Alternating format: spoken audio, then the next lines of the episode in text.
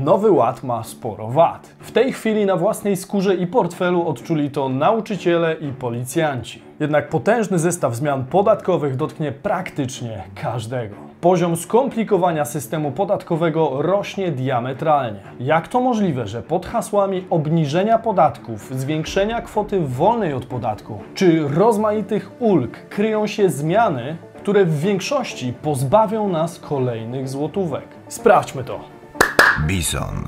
Włączeni do świata biznesu i finansów. Cześć, tutaj Damian Olszewski i witam Was serdecznie w programie Praktycznie o pieniądzach i analitycznej serii Bizon Polski Ład. O co w zasadzie chodzi? W czasie kryzysu energetycznego, pandemii, lockdownów, wysokiej inflacji, kryzysu migracyjnego, zagrożeń militarnych i rosnących rat kredytowych, ktoś wpada na pomysł, aby wywrócić do góry nogami polski system podatkowy ilością zmian, które nawet księgowemu ciężko jest objąć rozumem. Polska A. Polski Ład to tak naprawdę największa reforma systemu podatkowego od kilkudziesięciu lat. Do tego niewłaściwie komunikowana reforma. A ty już wiesz, ile zyskasz? Niższe podatki to jeden z elementów polskiego ładu. Mimo mylącej nazwy Polski Ład prowadzi na rynek przede wszystkim chaos, który już się rozpoczął. Chaos w rozliczeniach u przedsiębiorców, w wysokości wynagrodzeń pracowników, w zaliczkach na podatek, ulgach, w zrozumieniu, jaką formę opodatkowania wybrać i wielu, wielu innych obszarach. W związku z tym, co się dzieje i wynikami ankiety, gdzie 95% z głosujących zgłosiło potrzebę obejrzenia filmu na temat Polskiego Ładu, rzucam wcześniejsze plany i siadam do roboty. Zrobimy dla Was przede wszystkim dwie rzeczy. Po pierwsze, w formie przystępnej serii filmów na kanale szczegółowo opracuję gigantyczną ilość zmian podatkowych, jakie zafundował nam Nowy Ład. Mam nadzieję, że nieco uporządkuje to powstały na rynku chaos, a całą serię będziecie mogli obejrzeć dzięki subskrypcji kanału tutaj. Zmiany dotkną każdej grupy społecznej, także nie warto pozostawać biernym. Po drugie, wydam opracowanie wszystkich najważniejszych zmian w formie e-booka, który za darmo otrzyma każda osoba zapisana na newsletter, znajdujący się tutaj i w opisie odcinka. Sam jestem w szoku, że tyle rzeczy jednocześnie się zmienia bez odpowiedniej kampanii informacyjnej. Czas to pieniądz, więc zaczynajmy. Kluczowe zmiany, które wprowadza Nowy Ład. Najpierw je sobie wymienimy. Po pierwsze, wzrost kwoty wolnej od podatku do 30 tysięcy złotych. Po drugie, zwiększenie drugiego progu podatkowego z 85 tysięcy złotych do 120 tysięcy złotych. Po trzecie, ulga dla klasy średniej. Do tej pory wszystko brzmi cudownie. W końcu doczekaliśmy się choćby godnego poziomu kwoty wolnej od podatku. Natomiast o powyższych zmianach nie można wspominać, nie uwzględniając zmiany, która te korzyści przykrywa niestety płaszczem. Mowa o składce zdrowotnej na poziomie 9% wynagrodzenia, którą zapłaci każdy. W większości przypadków jest to 9%, a w przypadku liniówki 4,9%. Ten czynnik odbiera przeciętnemu Kowalskiemu niemal wszystkie korzyści płynące z tak zwanej historycznej obniżki podatków, ewentualnie czyni je znikomymi albo uzyskanymi tylko w formie nominalnej. 18 milionów podatników zyska na zmianach, a dla 6 milionów zmiana jest neutralna. Temat jest niezwykle obszerny, dlatego dzisiaj skupimy się głównie na uldze dla klasy średniej i realnych skutkach tych zmian w pensjach i rozliczeniach. To drugie zrobimy na przykładzie tego, co spotkało niedawno nauczycieli i policjantów. Jakie zmiany podatkowe odczują poszczególne grupy? Wpływ reformy podatkowej odczuli najpierw nauczyciele i służby mundurowe ze względu na to, że otrzymują wynagrodzenie z góry, a więc już otrzymali to styczniowe. Można powiedzieć, że to przedsmak tego, co czeka nas w lutym. Dzięki nim wszystkie inne grupy zawodowe realnie zainteresowały się też tym tematem. Kiedy pensja przyszła, w wielu przypadkach o kilkaset złotych niższa, w internecie, a w szczególności na Twitterze, zrobiło się naprawdę głośno. Hashtag Polski Ład oraz Polski Wał królowały przez ostatnie dni wśród naszych tematów do rozmów. Nie ma co się dziwić. Uszczuplenie przelewu na konto jest zdecydowanie silniejszym bodźcem do działania niż zasłyszane gdzieś hasło typu szykują się zmiany w podatkach. Większość ludzi do tej pory myślała, że te zmiany ich nie dotyczą. Niedługo jednak poszczególne grupy zawodowe zaczną odczuwać skutki reformy podatkowej we własnych portfelach. A to, co spotyka obecnie policjantów i nauczycieli, może się w przyszłym miesiącu zdarzyć praktycznie każdej osobie na etacie, dlatego warto posłuchać o przyczynach tego stanu rzeczy. Z jakiego powodu pojawiły się zmiany w pensjach nauczycieli i policjantów? Mamy trzy powody tej sytuacji. Po pierwsze, kwota wolna od podatku ze śmiesznego poziomu, jaki obowiązywał do tej pory, wzrosła do poziomu 30 tysięcy złotych. To znacząca zmiana, której przyczyny i konsekwencje opisywałem już jakieś 9 miesięcy temu w tym materiale. Po drugie, została wprowadzona ulga dla klasy średniej, która obowiązuje w przypadku osób, które zarabiają pomiędzy 68 412 zł brutto, a 133 692 zł brutto. Po trzecie, doszła do tego składka zdrowotna w wysokości 9%, której nie można już odliczyć od podatku. Sama zmiana wysokości otrzymanego wynagrodzenia wynika z kolei z tego, w jaki sposób pracodawca uwzględnił zmiany w zaliczkach na podatek PIT i czy w ogóle je uwzględnił, oraz z tego, że zapłaciliśmy wyższą składkę zdrowotną. Czyli mamy dwie składowe zmiany. W przypadku zaliczek na podatek można mieć niedopłatę lub nadpłatę podatku na koniec roku. W przypadku osób, które obecnie dostały niższą pensję, często jest to właśnie kwestia wyższej zaliczki na podatek, którą zapłacili. Zwrot nadpłaconych środków pojawi się więc dopiero w okolicach kwietnia przyszłego roku. Nominalne kwoty wrócą takie same, ale w obliczu podwyższonej inflacji nie muszę pewnie przypominać, że ich wartość nabywcza za rok będzie dużo niższa. Realnie w przypadku wysokości pensji przeciętnego nauczyciela czy policjanta zwracane kwoty będą o jakieś 10% mniej warte. Jak wiecie z moich poprzednich filmów, każdy ma inny koszyk zakupowy. Tym samym inaczej dotyka go problem inflacji. W tym przypadku mówimy o przedziale zarobkowym, gdzie koszyk zakupowy składa się w dużej mierze z podstawowych produktów i usług, których ceny rosną najszybciej. A więc każda nadpłata podatku może zakończyć się płaceniem dziesięciny, jak niegdyś w Królestwie Polskim. Taka lokata na minus 10%. Prawdziwa okazja. Tyle w przypadku nadpłaconych zaliczek. Inaczej jednak ma się sprawa w przypadku składki zdrowotnej, której nikt nigdy nam nie zwróci i której nie można już od niczego odliczyć. Dla większości jest to solidne 9%, które skutecznie obniży zawartość naszych portfeli. I to bez względu na to, jak to sobie dźwięcznie nazwiemy, czy składką, czy opłatą, czy napiwkiem dla władzy, to nie ma znaczenia. Znaczenie ma końcowy efekt, którym jest to, że pieniędzy będziemy mieli w kieszeniach mniej. To klasyczny przykład parapodatku. Pytanie zatem, jak uniknąć tego, co spotkało nauczycieli i policjantów? Jeżeli ktoś nie chce, aby pieniądze wróciły po roku w formie zwrotu podatku, należy wypełnić PIT-2, aby pracodawca mógł comiesięcznie pomniejszać zaliczki na podatek PIT o 425 zł, przysługujące z racji kwoty wolnej od podatku. Skąd wzięło się akurat 425 zł? Jeśli jesteśmy rozliczani na skali podatkowej i nasze zarobki nie przekraczają 120 tysięcy złotych brutto, to podatek dochodowy wyniesie 17%. 17% od obecnie wolnej od podatku kwoty 30 tysięcy złotych daje nam kwotę 5100 złotych. Jak podzielimy ją na 12 miesięcy, to wyjdzie nam 425 złotych i dokładnie tyle możemy odliczyć. Jeżeli tego nie zrobimy, tych kilkaset złotych pójdzie tak jakby na wcześniej wspomnianą lokatę inflacyjną na minus 8% i powyżej, w zależności od koszyka zakupowego. W takim przypadku po prostu około kwietnia przyszłego roku dostaniemy zwrot nadpłaconej kwoty, czyli 5100 zł.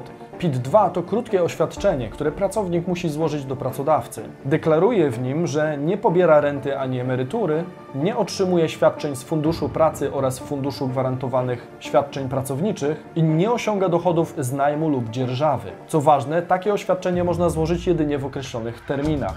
W przypadku nowych pracowników wystarczy to zrobić przed otrzymaniem pierwszego wynagrodzenia. Jednak w przypadku osób już zatrudnionych musi to nastąpić przed pierwszym przelewem w nowym roku podatkowym. To oznacza, że sytuacja nauczycieli i policjantów może być nieodwracalna, a przynajmniej bardzo trudna do odkręcenia przez cały najbliższy rok. Stop! Okazuje się jednak, że nie wszystko stracone.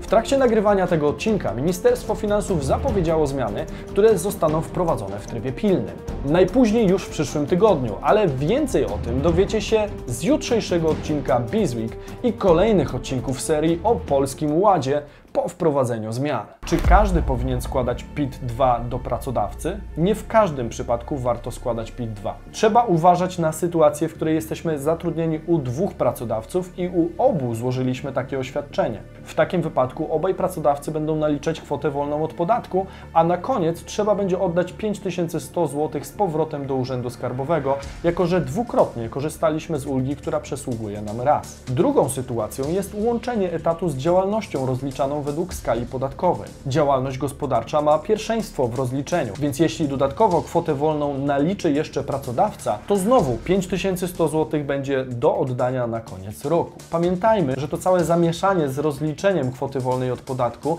nie przynosi strat. Czy dostaniecie te kwoty co miesiąc w wynagrodzeniu, czy w kwietniu za rok, to już indywidualny wybór każdego. Ja mogę jedynie podpowiedzieć Wam, jak zrobić, aby ten wybór nadal mieć, zamiast obudzić się z ręką w nocniku. Ulga dla klasy średniej. Jak to działa?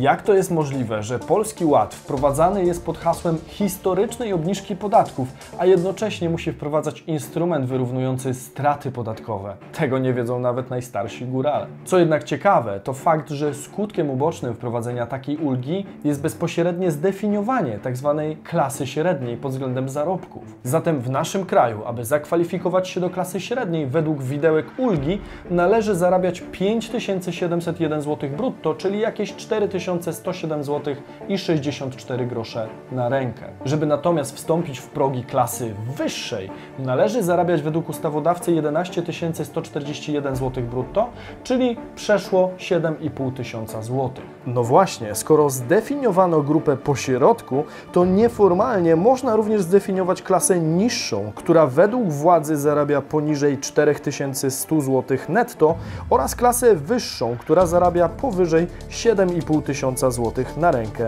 miesięcznie. Udało się więc również dokonać kolejnego podziału Polaków, tym razem pod względem dochodów. Ulga dla klasy średniej przewiduje wewnątrz tej grupy zarobkowej kolejny podział na dwie grupy, które mogą rozliczać ulgę za pomocą dwóch różnych, dość skomplikowanych wzorów. Spójrzcie zresztą sami. Granicą pomiędzy tymi dwoma wzorami jest kwota 8549 zł brutto. Zgodnie z wzorem jesteśmy w stanie obliczyć, że osoba, która zarobi 6000 zł brutto, otrzyma ulgę w postaci 119 zł i 41 groszy. O tyle będzie mogła pomniejszyć swój dochód. Natomiast w przypadku 10 tysięcy zł brutto i odliczeń na podstawie drugiego wzoru będziemy mogli pomniejszyć swój dochód o kwotę około 495 zł.